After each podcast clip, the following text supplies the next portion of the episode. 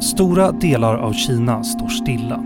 Fabriker, hamnar och hela städer har fått stängas på grund av de hårda restriktionerna som införts för att hindra smittspridningen av covid-19. Men policyn om nolltolerans mot smittan fungerar dåligt för att hindra den nya omikronvarianten. Och både den globala ekonomin och den inhemska konsumtionen har drabbats.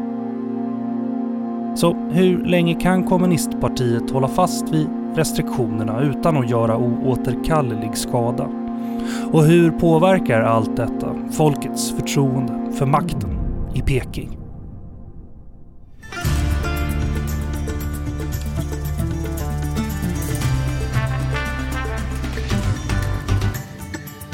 Du lyssnar på Utrikespolitiska institutets podd Utblick och jag heter Jonas Lövenberg. Så här långt har 2022 varit ett lite besvärligt år för Kina. Något som kanske inte fått den plats det förtjänar i nyhetsrapporteringen då det skett i skuggan av ett krig i Europa och en kongressutfrågning kring Trumps statskuppsförsök i USA. Men Kina har problem med ekonomin samtidigt som omikronvarianten av coronaviruset har drabbat landet hårt. Dessutom håller kommunistpartiet sin stora partikongress i höst då man helst vill kunna visa upp goda resultat som stabilitet och tillväxt. Och för att hjälpa mig och er att förstå läget i Kina och hur allt det här hänger ihop har jag med mig Fredrik Sjöholm, professor och verkställande direktör vid Institutet för näringslivsforskning. Välkommen Fredrik! Tack så du ha. Och Björn Kappelin, analytiker vid UIs Nationellt kunskapscenter om Kina, även kallat NKK. Välkommen Björn! Tack så mycket! Och som sagt, det senaste året har varit tufft för Kina både ekonomiskt och när det kommer till att hålla nere smittspridningar av covid. Och jag tänkte vi skulle börja prata om ekonomin. Vad, vad händer med den kinesiska ekonomin? Har det sett ut det senaste året, Fredrik? Ja, vad vi ser i Kina det är ett mycket kraftigt fall i ekonomisk aktivitet och eh, därigenom i tillväxten. Så regeringen har fortfarande en ganska optimistisk prognos och säger att eh, man ska ha 5-6 procents tillväxt då. Man upprepade det så sent som eh, för två, tre månader sedan. Men eh, många bedömare, alltså folk som är experter på att göra prognoser om Kinas ekonomi, de tror att tillväxten kommer att bli kanske som bäst 2 procent i, i år. Och det finns en risk för att det blir betydligt sämre tillväxt än så. Nu ska man vara medveten om att det här är inte nödvändigtvis vad som kommer att visas upp av myndigheterna, den här låga tillväxten. Eh, det finns också en tilltagande förståelse och en diskussion kring att Kinas officiella statistik ändras för att passa in i myndigheters agenda. Men en mycket, mycket låg tillväxt och det beror på, på nedstängningarna. När folk inte får eh, gå ut så konsumerar man mindre, så det har köpts mindre bilar och kylskåp, man beställer inga semesterresor och man går inte på restaurang eller köper ett gymkort. Normalt eh, så har Kinas myndigheter försökt att eh, parera den här typen av konjunkturell nedgång genom att satsa på infrastrukturinvesteringar. Mm. Man, man bygger järnvägar och motorvägar och hamnar och broar. Eh, men det har också varit väldigt svårt att åstadkomma i, i den här eh, pandemin. Så att eh, tillväxten blir låg i år, det kan vi vara alldeles säkra på. Frågan är bara om det blir 2% eller kanske till och med blir en, en negativ tillväxt. Och det beror återigen på den här pandeminhanteringen. Just det, och vi ska återkomma till tillväxten. Men pandeminhanteringen då? Hur har Kina hanterat pandemin, Björn?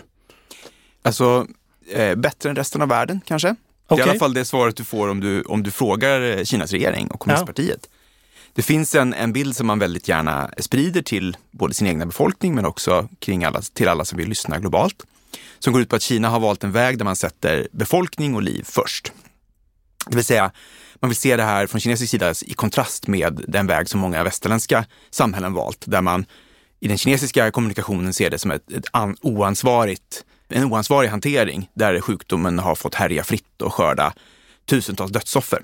Och efter det initiala skeendet av pandemin i, i Wuhan i början på 2020 och fram till egentligen slutet av förra året kan man säga att den här bilden stämde ändå ganska bra. Kina har fram till i år klarat sig rätt bra i internationella jämförelser vad gäller både sjukdomsfall, dödstal men också ekonomiska konsekvenser av pandemin. Det har ju haft ett, förstås ett, liksom ett, ett annat pris för samhället, men, men det har inte varit svårt att peka på framgången. Egentligen fram tills, tills i år när, man, när den här strategin inte har visat sig funka så bra. Just det, och det beror väl på att omikronvarianten beter sig på ett lite annat sätt också. Va? Ja, precis. Den här varianten förefaller ju vara mer smittsam och mm. också ha mildare eh, symptom, vilket gör att den, den, den har ett annat, delvis annat spridningsmönster än vad som har varit fallet tidigare under pandemin. Och den, den kinesiska liksom, policyn kring pandemihantering, den, den kallas ju som för Dynamic Zero Covid på engelska. Det bygger ju på en, en, en fullständig nolltolerans mot, eh, mot utbrott. Och det här yttrar sig i väldigt strikta eh, Eh, krav på karantän, både för att resa in i landet men också om man, om man eh, har varit i kontakt med någon som har varit smittad eh, blir man isolerad. Det är omfattande testning och smittspårning och eh, som, som sagt, det var länge en ganska framgångsrik strategi men har inte riktigt funkat inför den här nya varianten som har spridits under våren. Om vi bara gör en jämförelse med väst här, vad, vad är den stora skillnaden? Nu är det svårt att dra paralleller till Sverige som att Sverige också har haft, ja, ja, har, i internationell jämförelse ja. framställts som väldigt annorlunda i, i sitt sätt att hantera pandemin. Men, men den här eh, fullständiga nolltoleransen, det vill säga att varje enskilt fall ska spåras och mm. man ska sättas i eh, isolering och också alla som har haft kontakt med ett fall ska sättas i isolering, så har vi, det är väldigt få andra samhällen i världen som har i alla fall i väst, som har valt den, den ansatsen. Utan här, det har varit mer eget ansvar, isolera dig hemma om du är sjuk och så vidare. Just det, och hur har de förhållit sig till att vaccinera sig då? För det är väl en annan stor fråga. Allt det här. Ja, det där är ju en, en, ett eget kapitel kan man säga, vaccinationsstrategin i Kina. Dels har man ju helt och hållet valt att använda sig av inhemskt producerade vaccin som ju har visat sig inte vara fullt lika effektiva mot, eh, mot covid-19 som de vacciner som har kommit att dominera pandemiresponsen i, i väst. Men man har också valt ett annat sätt att, att eh, en annan prioritetsordning när man har vaccinerat sin befolkning. I väst så har de flesta samhällen satt svaga grupper, äldre, eh, först i kön. Medan i Kina valde man att ställa de äldre sist i kön och istället börja med att vaccinera de som man uppfattade som samhällsviktiga grupper. Man hade också i början en, en, eh, en, en kommunikation kring, kring vaccinerna, att det var väldigt riskfyllt för äldre att vaccinera sig, vilket gjorde att väldigt många äldre, även sen det visade sig att vaccinen inte var så farliga som, som man först trodde för äldre, så är det många äldre som har varit väldigt tveksamma till att vaccinera sig och därför så är vaccinationstäckningen bland äldre mycket lägre än i många jämförbara samhällen i världen. Okej, okay, men om, om, eh, om pandemin skulle ta slut, då löser sig alla ekonomiska problem då, Fredrik? Eller vad, hur ser det ut? Alltså man kan säga så att den här akuta krisen kommer att vara över och eh, den här konjunkturella nedgången kommer att vara över. Men det finns dessutom en mängd strukturella problem i Kinas ekonomi som troligen kommer att göra att Kina växlar ner på en lägre tillväxtbana framöver. Alltså det finns ju tror jag bland många av oss en, en tendens att vi prognostiserar framtiden utifrån vad som har hänt tidigare. Mm. Och så säger man då att ja, men Kina har vuxit med 9% per år. Nu tror vi att det kommer fortsätta på detta sättet. Men, men jag, jag, jag det är mycket som talar för att, eh, att, att det kommer inte ske utan att man kommer få olika typer av problem nu som gör att Kina även framöver kommer växa mindre snabbt. Och en sådan problem som vi redan börjat se nu eh, dyka upp, det är eh, fastighetssektorn i Kina. Mm. Alltså man ska vara medveten om att Kina är ett investeringsstyrt land i så mått att det är investeringar som driver mycket tillväxt. Så om man tittar på investeringarnas andel av ekonomin så är det kanske 45 procent och i Sverige och många andra västländer så är det 25 procent. En stor andel av dessa investeringar har skett i fastighetssektorn. Mm. Eh, och man har byggt en mängd eh, nya lägenheter och hus och liknande. Idag har, är bostadsyta per kines lika hög som i många västeuropeiska länder, trots att inkomsterna är mycket, mycket lägre. Mm. Så det finns liksom för mycket boende, för mycket fastigheter i Kina. Och den här sektorn har utgjort nästan 30 procent av ekonomin vilket är exceptionellt högt, alltså mycket högre än vi såg i Spanien innan, innan den bostads, eh, bostadsbubblan sprack och så vidare. Så som jag ser det finns det två scenarier. Alltså det här, det här är ohållbart att man har en fastighetssektor som är, så, som är så stor. Antingen lyckas kineserna ta ner detta på ett ordnat sätt. Alltså man kan inte fortsätta bygga bostäder till folk som inte vill bo där. då minskar man det på ett ordnat sätt. Men det kommer innebära att tillväxten blir mycket mindre. Mm. Om, om 30 procent av ekonomin nu ska minska så att säga, så kommer det innebära att tillväxten blir lägre. Men det finns också en, en, en fara för att, det blir en, att bubblan spricker och att det kan leda till exempel till en finansiell kris. Alltså om, om stora fastighetsbolag som nu vi har talat om Evergrande till exempel, mm. om, om de skulle gå omkull så skulle då helt plötsligt banker som lånat ut miljarder till de här företagen få stora, stora problem och det kan bli en finanskris och då kan det bli riktigt, riktigt illa för, för Kina. Så det är ett strukturellt problem. Sen har man, om jag får fortsätta, ja, så har, så har man eh, också en, en, stor skuldsättning i kinesiska företag. Mm. Av lite samma anledning, man har investerat väldigt mycket. Alltså, man ska vara medveten om att en stor andel av Kinas företag är statsägda. Det finns 175 000 statsägda företag. 80 procent av de största företagen är statsägda. Och de används ofta som ett redskap av regimen för att hålla uppe tillväxten. Det är viktigt att visa hög tillväxt. Vad gör man? Hur får man hög tillväxt? Jo, företagen måste göra saker. Det kan vara svårt för dem att sälja mer produkter, för det bestäms av konsumenterna. Men däremot kan man då tvinga dem till att investera. Så kinesiska företag har investerat i maskiner, i lagerlokaler, och teknologi och, och eh, massa annat. Va? Så det gör att man har investerat väldigt mycket och man har skuldsatt sig väldigt mycket. Mm. Nu finns det ingen transparens direkt när det gäller eh, hur mycket skulderna är, men de flesta internationella bedömare säger att skulderna, företagens skulder som andel av BNP kanske 200-300 procent. Alltså en väldigt, väldigt hög och väldigt, en farligt hög nivå som också skulle då kunna leda till en finansiell kris. Va? Så det finns fastighetssektor som är alldeles för stor, en bostadsbubbla, du har en stor, stor hög skuldsättning i företagen. Båda de här sakerna kommer behöva förändras på något sätt. Va? Och i bästa fall så kommer det då leda till bara en nedtrappning i, i tillväxten, att det blir lägre tillväxt framöver. I värsta fall blir det en, en finansiell kris. Till detta kan man då kanske lägga att man har en, en ogynnsam demografisk utveckling, situation, eh, som kommer också leda till lägre tillväxt framöver. Vad säger du om det, Björn, demografin? Ja, men det stämmer, det, demografi är ju en, en allvarlig utmaning för Kina. Det här är ju konsekvens dels av att man under en väldigt lång period haft en väldigt strikt enbarnspolitik, mm. där familjer bara fick skaffa ett barn. Man har insett nu ganska nyligen i tid att den här utvecklingen har resulterat i att man har en, en befolkningsstruktur som inte är ekonomiskt hållbar framgent. Alltså att, att en väldigt liten, en, en minskande eh, arbetskraft ska försörja en växande eh, grupp av äldre. Och eh, man har gjort bedömningar som säger att om det är idag 100 arbetsföra personer som, som kan försörja ungefär 20 äldre. Så år 2100 så är det 100 arbetande som ska försörja 120 äldre. Oj. Och det ger liksom en liten bild av, av eh, vad det är för typ av, av eh, dynamik här. Och det är också något som är väldigt svårt att, att göra någonting åt väldigt snabbt av förklarliga skäl. Man har ju på senare år först eh, frångått enbarnspolitiken, tillåtit en tvåbarnspolitik. Nu talar man till och med en trebarnspolitik. Och det här är ju en, liksom, ja, en omvändelse under galgen kan man säga, där man verkligen vill, vill stimulera befolkningstillväxten. Och det har ju visat sig inte riktigt, att kinesiska folket nappar inte riktigt på det här. Det är väldigt svårt att få kinesiska familjer att vilja skaffa mer än ett barn. Kanske framförallt för att det är väldigt, väldigt dyrt.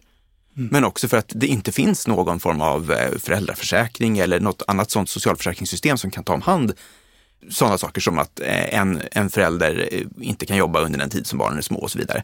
Så det finns, eh, finns stora, liksom, stora problem som följer av det här med den demografiska utvecklingen. Nej, jag tycker Björn, det är jätteintressant vad, vad Björn säger och just det här är lite det är både spännande och svårt att förstå varför familjerna inte svarar på att man tar bort den här enbarns och tvåbarnspolitiken. Det, jag tror det föds 1,3 barn per, per, per, fertil kvinna, eller per kvinna i fertil ålder. Alltså långt under vad som krävs för att man ska eh, reproducera befolkningen. Så att befolkningen kommer faktiskt min, börja minska här snart inom ett antal år. Och inom tio år tror jag det är en tredjedel av kineserna över, över, över 60 år. Alltså då kan man säga, en del säger då att, eh, liksom, ja men se på Japan, de har ju, de har ju samma situation. Men, men skillnaden var att Japan gick in i den här äh, åldersstrukturen som ett ganska välmående land med höga inkomster. Alltså Kina, även om mycket positivt har skett i Kina, så har man ju fortfarande en stor andel befolkning som är, är ganska fattig. Och att då gå in i en, en sån här situation när, när tillväxten på grund av det som Björn berättar kommer att bli lägre, det, det är lite oroande från ett kinesiskt eh, perspektiv. Men, men du säger också, det finns många, många fattiga, men det är väl också så att den kinesiska medelklassen har växt enormt under de senaste två decennierna kanske. Alltså, eh, och fler och fler har skaffat sig liv i städerna. Det, det, är väl också en del av det här bostadsbyggandet som vi, som vi pratar om. Påverkas de kinesiska medborgarna av läget? Vi har ju pratat nu om, om att staten inte når sitt tillväxtmål, men liksom, hur är det för den vanliga kinesen? Alltså, den vanliga kinesen har fått det mycket, mycket bättre. Det är ju det är en mm. framgångssaga på så sätt om man ser utvecklingen sen man började reformera ekonomin eh, 79 så, så har ju ja, kanske en halv miljard människor lyfts ur, ur, ur absolut hemsk, skriande fattigdom. Och det finns en stor, stor kinesisk medelklass idag. Man ser dem på Stockholms gator, man ser dem överallt. Men det är också ett land med skriande ojämlikhet. Mm. Trots att det är liksom en kommunistisk regim och så vidare så är det ett av världens mest ojämlika länder om man tittar på så här standardmått på ojämlikhet som Gini-koefficienter och liknande. Och du har, jag kommer inte ihåg exakta siffror, men jag vill minnas att 40 procent av kineserna lever på kanske 1400 kronor i månaden. Så det är klart, det räcker för att du inte ska vara eh, liksom, eh, desperat fattig, men det är ju inte något eh, liv i, i flärd och lyx direkt, 1400 kronor i månaden ens i Kina. Va? Så det finns en stor stor grupp av kineser som är ska jag säga, sårbara, va? Mm. till exempel om man skulle få en stor ekonomisk kris. Men min fråga, eh, vad spännande, men min fråga kanske mer handlar om det som händer nu eftersom ju dels det här med eh, bostad, eh, bostadsmarknaden och företagens investeringar och så här, och covid-läget, hur drabbar de ekonomiska följderna den vanliga kinesen? Det var med det, med det som var min fråga tror jag. Det, det är klart att det är negativt alltså ja. för, för den vanliga kinesen, att den vanliga kinesen får mindre pengar att, att röra sig med liksom, när, när saker och ting, när tillväxten går ner. Och den kinesiska staten får mycket mindre pengar att använda på, på olika typer av eh, både satsningar när det gäller infrastruktur och militären, eller, men även då när det gäller till exempel pensionssystem och sånt mm. som man håller på att bygga upp. Det är ju precis som Fredrik säger och jag tror att det finns också en, en komplicerande faktor för, för regeringen i Kina är ju att, att eh, den här medelklassen som har skapats har ju också lett till att det finns ganska stora förväntningar i andra delar av befolkningen som kanske inte har fått del av det här den här enorma välståndsökningen. Att det, när, när blir det vår tur så att säga? Och det skapar ju en, en förväntansbild i stora befolkningslager som det blir ganska svårt för regeringen att hantera i ett läge där, där, liksom, eh, där statskassan krymper på grund av, av ekonomiska svårigheter. Ja, det är intressant och det är ju lite det så här narrativet som regimen alltid har liksom levererat. Va? Men med oss, det är ordning och reda med oss. Det är lite som du sa innan Björn, när det gäller man, eh, covid-hanteringen, hur man kontrasterar det mot väst, liksom, att det är dåligt. Här, ni kan lita på regimen.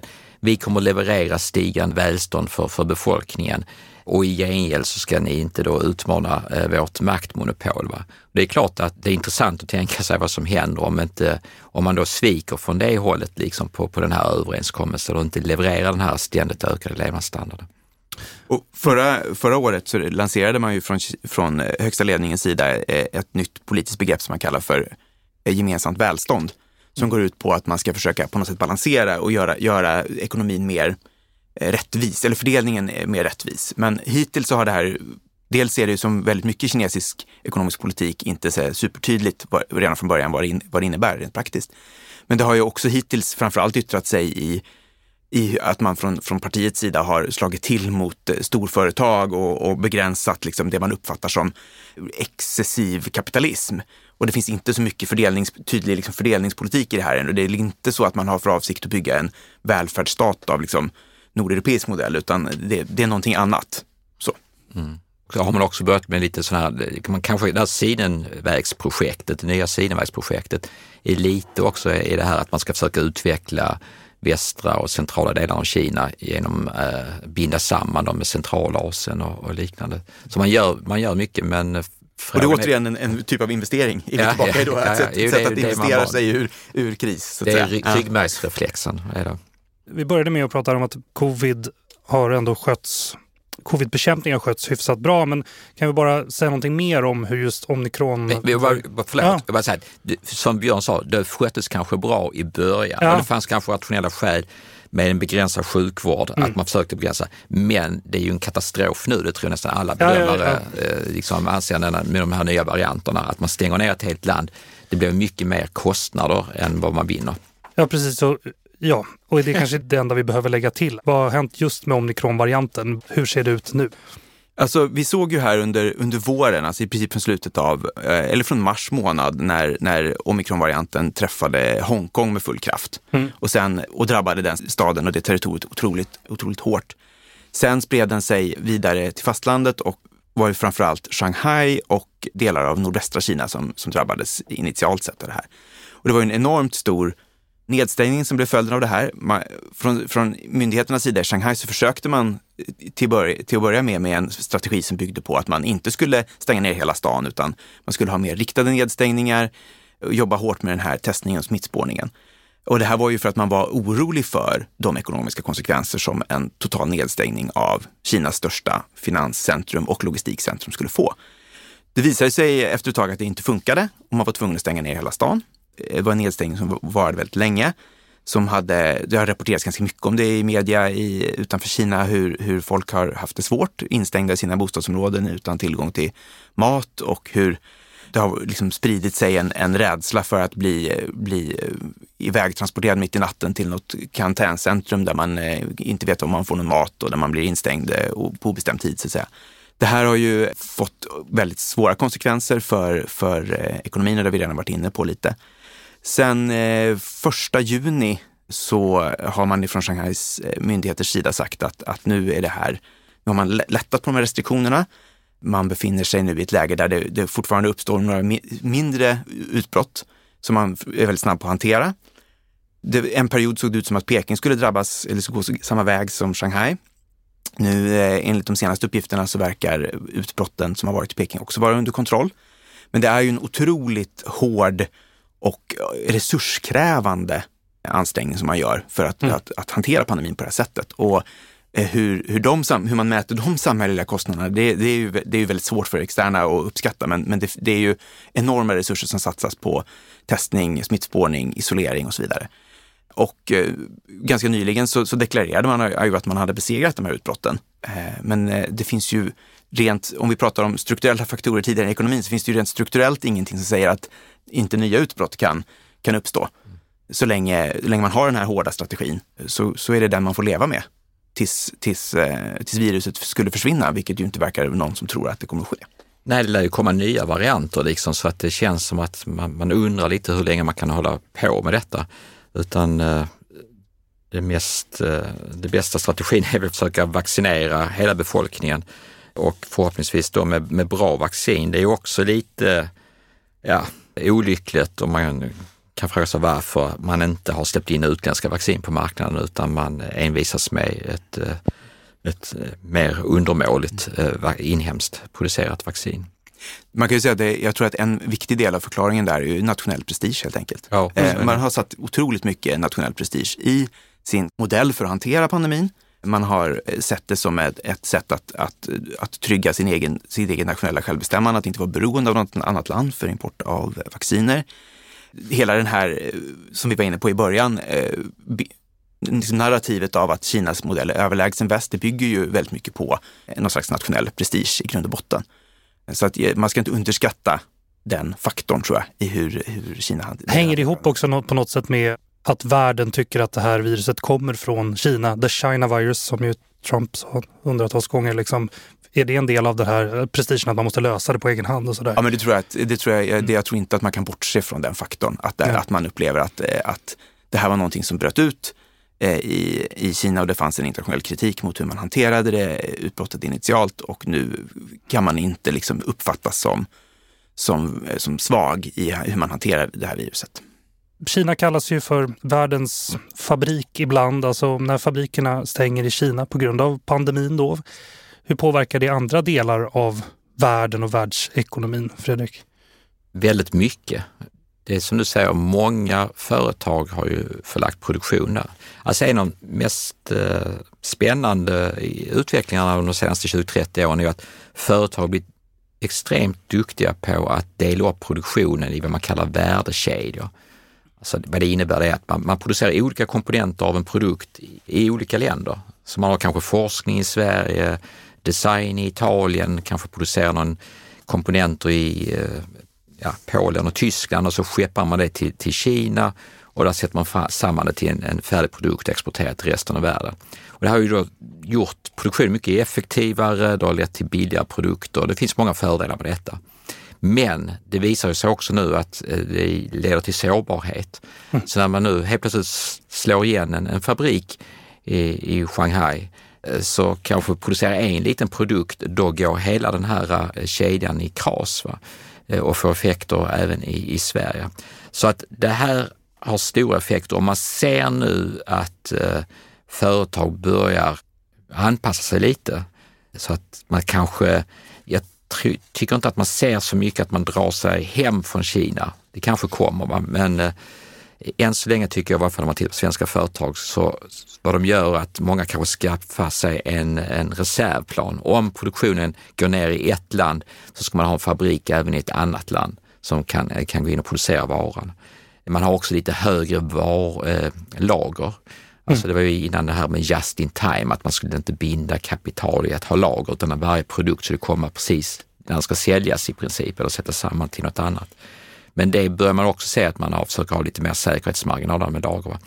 Så att det, det, har stora effekter, men eh, och om man, det var en ny en EU-rapport som kom nyligen och då, då pratar man om att 25 procent av europeiska företag funderade på att eh, förlägga verksamhet man idag hade i Kina i något annat land. Va? Jag vet inte riktigt hur man ska värdera detta, just att fundera på det. Va? Men absolut, om detta kombineras med andra eh, mm. eh, negativa nyheter och utveckling så, så kan det absolut få, få effekter. Men, och man kan väl säga då att pandemin har visat på sårbarheten i de här systemen? Det har visat på sårbarheten ja. och eh, det är många, även svenska företag som har lidit oerhört av detta. Mm. När man har stängt igen fabriker, vi har sett också hamnar och liknande som har fått stänga igen och fartyg har legat och inte kunnat eh, lossa eller lasta sina, sina varor. Bara... Sen dessutom har det liksom förvärrats kanske lite, för vi har ju haft den här nya Sinevägen när man kört en del grejer på tåg. Mm. Men mycket har då gått igenom Ryssland och kanske Ukraina så att det har påverkats av den krisen också. Så att det, det är många negativa utvecklingshändelser här som sammanfaller. Och, men, och bara för att vara tydlig då mot lyssnarna, en stor hamn är ju enormt viktig för ekonomin. Inte är enormt det mesta som, eller väldigt mycket som transporteras ja. är ju via, via hamnar. Men även en del, en del via flyg och sånt, men de har ja. också haft problem. Va? Och ja. nu som sagt, eh, faktiskt intressant tycker jag med, med, med eh, med järnväg. Man kan faktiskt köra container med, med tåg från Kina ända till Europa idag. Men de har då också haft, haft olika typer av problem. Det har varit, man kan, på det sättet kan man säga att det här covid-utbrottet i Shanghai var ju en perfekt storm i det sammanhanget. För att mm. Shanghai är ju världens största containerhamn. Mm. Och där otroligt mycket av det som tillverkas i Kina tillverkas i eh, området runt Shanghai och skeppas ut den vägen helt enkelt. Så att, att stänga igen den hamnen, mm. det är ett, liksom ett oproportionerligt hårt slag mot, mot eh, liksom varuflöden ut i Kina, ska man säga. Alltså man kan ju diskutera, man kan spekulera i om det kommer få mer långtgående konsekvenser. Det finns ju redan idag någon form av eh, antiglobaliseringstrend va? Eh, och med, med handelskrig i USA och Kina och så vidare. Och det, det kanske blir mer regionalisering, att företag kommer mer ha sitt, sitt nätverk av underleverantörer och liknande i, i, eh, i regionen, i Sveriges fall kanske då i Europa och mindre, mindre globalt. Men det, det återstår att se och på många sätt vore det en olycklig utveckling eftersom eh, det här systemet som har byggts upp har ju också lett till eh, många positiva saker, högre tillväxt och billigare produkter och liknande. Om vi inte ser bara till de ekonomiska frågorna, eh, vara ihopkopplat på det här sättet, gör det att, man, att det skapar fred och samarbete mellan länder och sånt där, eller? Det gör väl handelsvägar också? Absolut, det, det, finns ju en, en tro på ja. att, att handel, att länder som, inte, som handlar med varandra inte bör kriga med varandra. Det har ju visat sig att det inte stämmer alla gånger. Men eh, jag skulle vilja säga att det är positivt med ekonomisk integration även för sådana aspekter som, eh, som, som politisk eh, lugn och, och slippa krig och liknande. Ändå. COVID, den här covid zero-policyn stoppar ju upp ekonomin då, som vi har pratat om. Och vad gör man för att hjälpa tillväxten i det här läget då, för att, för att stävja det här? Om man inte har arbetare som kan gå till fabriken eller medborgare som kan handla. Då. Så vad, vad gör man då för att nå de här viktiga politiska målen med en, med en tillväxt på, vad är det, 5,5 procent? Ja, nej, det 5,5 är ju målet de har ja. då, tillväxtmålet och jag tror inte man kommer nå upp till det. Nej, anledningen är att man har inte så många eh, instrument. Nej. När konsumtionen går ner så har man historiskt, som vi varit inne på innan, liksom alltid från myndigheternas sida satsat på investeringar. Mm. Man gjorde finanskrisen 2008-2009, men nu eh, är det också svårt på grund av pandemin. Va? Så att jag tror att man bara får ta en lägre tillväxt i år. Sen får vi se nästa år om man fortsätter med, med, investeringspolitiken. Men det är klart, den som jag varit inne på också, den har ju lett till de här strukturella obalanserna och eh, man har byggt för mycket fastigheter. Mm. Som statsägda företag har byggt upp eh, för, stora, för stor verksamhet. Man, man kan idag producera mycket mer eh, stål och cement och, och liknande än vad man kan sälja. Alltså man har en enorm överkapacitet i, i kinesiska företag på grund av de här investeringarna som är styrda av politiska beslut snarare än av, av eh, marknadsmekanismer. Så att om man fortsätter köra detta spåret så... Eh... Nej, men jag frågar för att Xi Jinping sa bara här om veckan att han lovar kraftfulla åtgärder. Sen så definierade han inte det. Liksom, har ni hört det? Vad kan det betyda ens? Men jag tror att det finns både, både kortsiktigt och långsiktigt i det här. Eh, kortsiktigt så har man från regeringen gått ut här i, under våren med ett åtgärdspaket med 33 åtgärder som ska på olika sätt komma till rätta med de här ekonomiska konsekvenserna av pandemin. Och det, jag, eh, jag har inte listan i huvudet med alla åtgärderna, men det, det handlar ju om sådana saker som olika typer av sänkta skatter och avgifter för företag, eh, momsrabatter, rabatt på sociala avgifter, anstånd med skjuta upp vissa betalningar för hyra och energi och så vidare. Men det finns också, och det här, det här har, vi, har, vi, har ju Fredrik varit inne på, en del investeringsåtgärder också, framförallt infrastruktur och sådana saker som, ju, som ligger nära till hands som ett, som ett verktyg för, för ekonomisk politik i Kina. Men man har också tittat lite på insatser för att minska arbetslösheten, alltså bonus till företag som nyanställer, och, och men också riktade stöd till vissa, till mm. vissa branscher.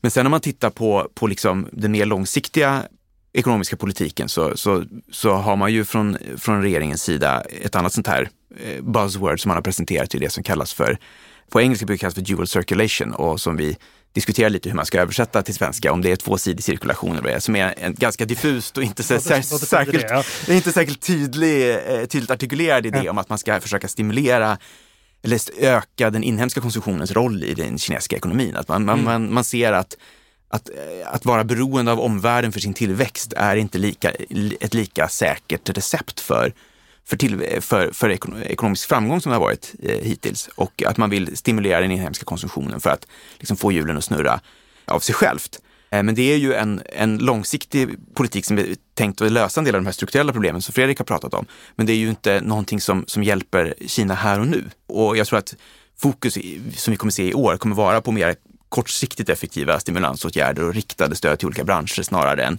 stora, det stora ekonomiska planerandet, tror jag.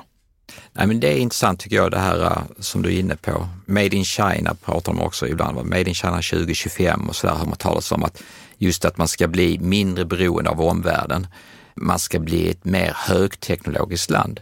Äh, så att man, man vill inte bara vara fabriksgolvet som du pratade om innan utan även producera mer, mer teknologiintensiva produkter det är frågan om det kommer att vara ett framgångsrikt recept. Alltså jag är ju skeptisk till att ett mer inåtvänt, mer inåtvänd ekonomisk utvecklingspolitik kommer att vara lyckosam. Det ser man ju inte i andra länder. Va? Men det är det de satsar på. Samtidigt så ser vi också att man har ju blivit lite rädd när vissa av de här techbolagen har utvecklats. Alltså, så har man liksom gått in och börjat reglera där och, och slå ner på flera sådana här techbolag va, som man egentligen skulle vilja ha då. Så lite ambivalent ställning till hur man ska gå vidare.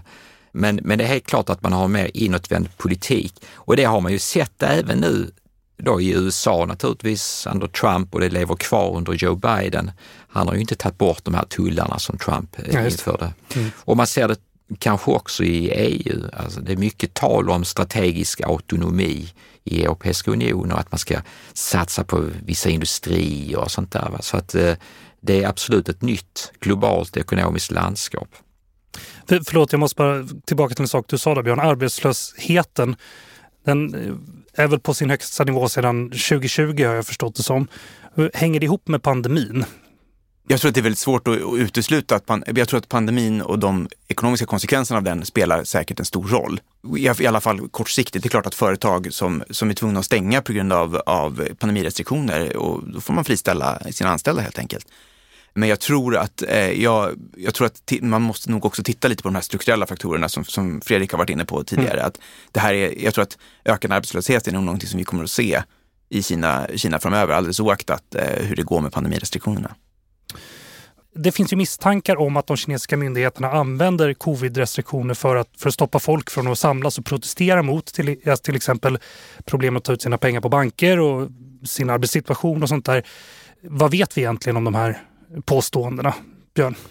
Ja, men det, det som du hänvisar till är ju ett, ett, ett uppmärksammat fall som var bara häromveckan i Shannan-provinsen där det var ett antal personer som hade någon form av klagomål och som ville resa till en lokal bank som var på något sätt involverad i det här, eh, de här problemen.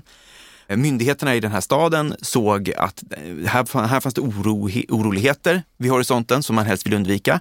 Och då finns det ju en sån här, alltså alla i Kina måste ha en app som visar vilken hälsostatus man har. Och eh, det, då, visade, då valde myndigheterna helt enkelt att artificiellt manipulera den här hälsostatusen så att den blev röd. Vilket innebär att man inte får varken resa ut från där man bor eller i det här fallet in till den här, den här staden som man ville till. Och det här eh, är ju ett, eh, ett exempel som har fått ganska mycket uppmärksamhet även i Kina, där trots att mm. nyhetsflödet är, är väldigt starkt censurerat.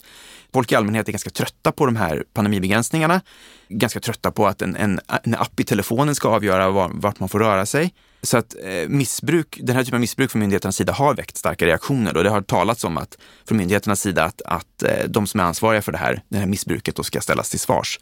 Men i slutändan är det ju så att sådana här verktyg är ju väldigt tilltalande för en, en polisstat med väldigt stark eh, tradition av, av ja. kontroll och, och, och, övervakning. Så att det blir nog inte så lätt för kontrollapparaten att släppa de här verktygen i, om man tänker sig ett postpandemiscenario så att säga. Just. Och det, det, får vi göra en annan podd om. om ja, när, nu, när nu pandemin är över, om ja. det någonsin är det. En till sak vi måste klara av innan vi hoppar vidare här. Fredrik, jag tänkte fråga dig, alltså Kina, Kina är ju goda vänner med Ryssland um, och Kina har inte fördömt Putins krig, även om de har gjort några andra avståndstaganden. Så här, hur påverkar kriget i Ukraina ekonomin i Kina? Du var inne lite på det tidigare. Alltså det påverkar framförallt genom att priser ökar på många varor som, som Kina eh, importerar. Så det, det är en negativ påverkan, eh, påverkan på Kina, även om de får kanske specialdealar med, med Ryssland och liknande och en del av det som skulle sålts till Europa går till, går mm. till Kina. Men, men det har en negativ och sen är man väldigt rädd för att på något sätt man skulle förlora väst, alltså exportmarknader på grund av att man, man stödjer eller inte tar avstånd ifrån Ryssland i varje fall. Men jag tror inte att Kina kommer att ändra sig här liksom, utan man eh, eh vill försöka att, att få, politiskt så har ju Kina mycket, mycket gemensamma åsikter med, med Ryssland. Man vill på något sätt balansera den här västerländska dominansen. Så, så att man kommer nog fortsätta köra det här. Men, men ekonomiskt så är det, framför, det är negativt det som, händer. Det som händer. Mm, de kanske hoppades på att det skulle gå snabbare det här. Som ja, det, det tror jag absolut. Okej, då måste vi prata lite om, om eh, politiken här i Kina. Alltså, vi har pratat om den här eh, zero covid-policyn hur, hur hanterar ledningen det som händer? Kommer man hålla fast vid sin zero covid policy, Björn? Ja, det tror jag. Det finns ju i dagsläget ingenting som tyder på att man från högsta ledningens sida är beredd att överge den här nolltoleransstrategin.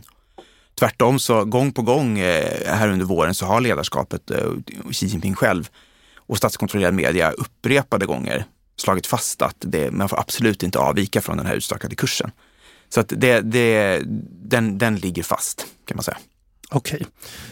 Sen det här uttalandet som jag nämnde förut, att Xi Jinping har uttalat sig om att man ska ta till kraftfulla åtgärder för att motverka det, de ekonomiska effekterna av covid. Alltså, hur vanligt är det att kinesiska ledare talar så tydligt om ett sånt här problem? Det finns ju ett erkännande att det inte går så bra där i det där. Ja, men det gör det. Det visar ju dels att man, att man tar det här problemet på allvar. Mm. Men visar ju också att man, att man har insett att det finns en stor oro hos allmänheten för hur det går. Framförallt de ekonomiska konsekvenserna av det här. Men som vi har talat tidigare om så har man investerat otroligt mycket prestige och, och personlig prestige för Xi Jinping själv mm. i den här pandemihanteringen. Och då måste man visa för befolkningen att det går att göra med bibehållen levnadsstandard och att, att det går att liksom mildra effekterna på ekonomin på olika sätt. Vill du säga Nej, jag tror, att, och det här, jag tror att man känner sig lite stressad av den här situationen nu. Att om, om det sprider sig mer att man har misslyckats i eh, hanteringen av pandemin så kommer det spilla över på förtroendet för, för Xi Jinping som person. För precis som Björn säger så har han investerat mycket av sin eh, personliga eh, prestige i det här projektet och de har haft ett enormt högt tonläge och, och det har liksom bubblat av hybris under början av pandemin. Va? Och det kan naturligtvis bita dem i baken nu va? om, det, om folk i, i allmänhet börjar inse att äh, det här var inte så bra, ekonomin blir dålig och vi får inte gå ut och det är massa restriktioner på oss och att det faktiskt fungerar bättre i stora delar äh, av övriga världen. Va? Så att äh, jag är helt övertygad om att den kinesiska ledningen är, är oroliga för det här. Mm då har vi, vi har både en ekonomisk ostabilitet och vi har en ostabilitet på arbetsmarknaden och så vidare. Alltså, vad betyder den här ostabiliteten för, för makten? Jag tror att man tycker att det är väldigt, väldigt obekvämt. Mm. Instabilitet överlag är ju någonting som man inte önskar sig alls. Det är kanske någonting av det som partiet avskyr mest och som man ser också knutet, skulle man kunna säga, till sitt eget existensberättigande. Och det har vi varit inne lite på tidigare, att partiet, partiets liksom partiet lever lite på att kunna leverera ett, ett stabilt och harmoniskt samhälle och en ökad, ett ökat välstånd för befolkningen. Och i ett läge där det här eh, liksom på olika sätt är i skakning, det, det trivs man inte så bra med. Så att även under vanliga omständigheter så, så gillar inte Kinas kommunistparti eh, instabilitet. Och i synnerhet, in, i synnerhet inte det här året då, när, när man har en partikongress och det är också en väldigt viktig partikongress. Just det, och kan du inte förklara varför? Vad innebär partikongressen och varför den är så viktig just i år? Ja, men det är så att den verkliga makten i Kina ligger ju hos partiet. Så partikongressen är ju långt viktigare än nationella folkkongressen och andra formella beslutsorgan i det som, i det som vi uppfattar som den formella staten i Kina. Och partikongresser äger rum vart femte år och de är ju viktiga markörer då för, för, att, eh, för den riktning som Kinas politik utvecklas i. Det som är speciellt med årets då, som är den 20 partikongressen, är att Xi Jinping förväntas få förnyat förtroende för en tredje period som partiets generalsekreterare. Och det här är möjligt för att man har redan tidigare fattat beslut om att den begränsning av antal mandatperioder som gällde tidigare till två, den har tagits bort. Så det är krattat för en tredje mandatperiod och kanske potentiellt hur många mandatperioder som helst för Xi mm. Jinping. Mm. Och hans, eh, kan du inte säga något om hans status också? Han anses väl vara den mest framstående kinesiska ledaren sedan Mao eller någonting sådant? Eller? Ja, i alla fall om du frågar Xi Jinping själv tror jag. Ja, ja, ja. Nej, men det, det, är som du säger, det, det finns en, en, en eh, Xi Jinping har, har, har tillskansat sig otroligt mycket makt på ett sätt som inte har, vi inte har sett i Kina sedan, Mao Zedongs tid. Så det, det stämmer absolut och eh, det finns ju många som försöker dra paralleller eh, mellan Mao och Xi på olika sätt och eh, också menar att, att, att Xi Jinping odlar en, en, ja, men en, en personlighetskult som, som kanske inte liknar den som, som, gäll, eh, som, som vi såg eh, kring Mao, men, men som ändå får många, även i Kina, att fundera på om detta, eh, liksom, att tänka tillbaks på, på hur det var då, så att säga. Okej, men och då tänkte jag fråga några saker om, om det här då historiska valet. För det, allt det här vi har pratat om leder ju ändå fram till det här, den här partikongressen som ska hända i höst. Alltså vad, åter till eh, tillväxtmålen där. Alltså, vad betyder det för den kinesiska ledningen i prestige att inte uppnå de här målen? Kan du säga något om det Fredrik? Eh, väldigt mycket, som vi varit inne på flera gånger, ja. så, så, så är det viktigt för dem att visa den här höga tillväxten och det är därför också man, har, man kör igång nu lite mm. olika åtgärder för att försöka hålla uppe den. Men det kommer ju det kommer inte, vi kommer inte komma upp i de här Nej. tillväxtsiffrorna som, som man har sagt. Det kommer vara en prestigeförlust, men jag gissar att det inte kommer vara så allvarligt att det på något sätt hotar eh, Xis maktposition. För att det, man vet aldrig, men det tycks inte finnas någon starka utmanare. Va? Att han har rensat ut många av, av de som skulle kunna utmana med makten. Däremot, mm. men det här blir ju spekulativt, va? men däremot om det skulle bli en ordentlig ekonomisk kris. Alltså vi pratar om en bankkris som sen spiller över till, till ja, en, mm. större kris så att inkomsterna verkligen faller så mycket att det känns att det biter i skinnet på folk. Då skulle naturligtvis alla möjliga olika typer av politiska förändringar kunna ske. Mm. Eh, då skulle han kunna ryka, för då kommer folk stiga fram ur skuggorna och försöka eh, ta makten. Men, men skulle det då kunna vara utan att spekulera utan för att snarare då skapa olika scenarion då som vi, som vi får hålla koll på. Men de här strukturella problemen som du har pratat om, skulle ja. konsekvenser av dem till exempel kunna vara något som leder till så stora ekonomiska problem så att det ja, kanske det skulle kunna nagga Det, det, det finns en möjlighet ja. alltså. Jag, jag, det är svårt att bedöma exakt ja. hur stor risken är.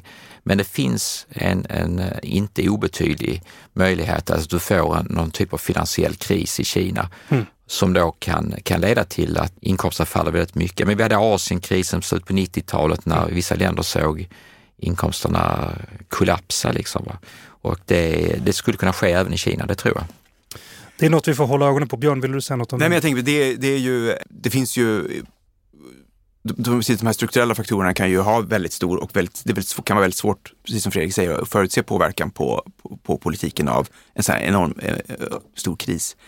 Ett problem som vi har när vi försöker titta på kinesisk politik, framförallt toppolitik utifrån, är ju att det är otroligt ogenomskinligt. Mm. Eh, det är väldigt svårt att få klara, klar och tydlig information om, om hur, hur fraktioner inom partiet strider mot varandra, hur makt, maktpositionerna ser ut och så vidare. Och det, och det finns ju väldigt lite som tyder på att det finns en allvarlig utmaning mot Xi Jinping inom partiet. Men det som kan hända om, man, om det sätter sig en uppfattning av att han har misskött antingen ekonomin eller pandemihanteringen är att det kan betyda att, att han får svårare att placera sina allierade på vissa nyckelposter, vilket kan så att säga på längre sikt påverka, göra att han inte sitter lika starkt som han hade hoppats. Så det är kanske den typen av marginalförändringar vi kan se, tror jag, av, av den kris vi ser nu. Men som sagt, jag, jag Ingenting går att utesluta liksom? Nej, men jag tror du har helt rätt Björn, att han sitter hyfsat säkert liksom, i makt. Man, lite på grund av att han har ju ändå ett ganska bra track record. Alltså de, den genomsnittliga kinesen tycker att det har varit ganska okej okay här sista tio åren. De har fått högre inkomster. Mm. Eh, många kineser tycker att, eh, att det är bra att Xi också har en större säga, en, en tydligare profil i internationella frågor, att han tar plats på den internationella scenen. Eh, det har de ingenting emot. De har ingenting emot att man klagar på Japan eller hotar Taiwan kanske och så vidare. Så att eh, han, har, eh, han har nog en, en viss popularitet även bland många, många kineser. Så det krävs då något mer exceptionellt för att det ska, tror jag, rubbas. Så jag tänkte fråga, finns det någon möjlighet att, att Xi inte blir omvald? nej, det, nej, det skulle jag säga inte. Nej, det nej, tror jag med inte. Med det vi vet nu då? Nej, nej. nej. nej det verkar osannolikt skulle ja. jag säga också. Ja. Okej, avslutningsvis för att återvända lite till pandemin här. Vad tror ni, en övertro eller en envishet att hålla fast vid den här covid zero-policyn, vad kan den leda till på sikt? Fredrik?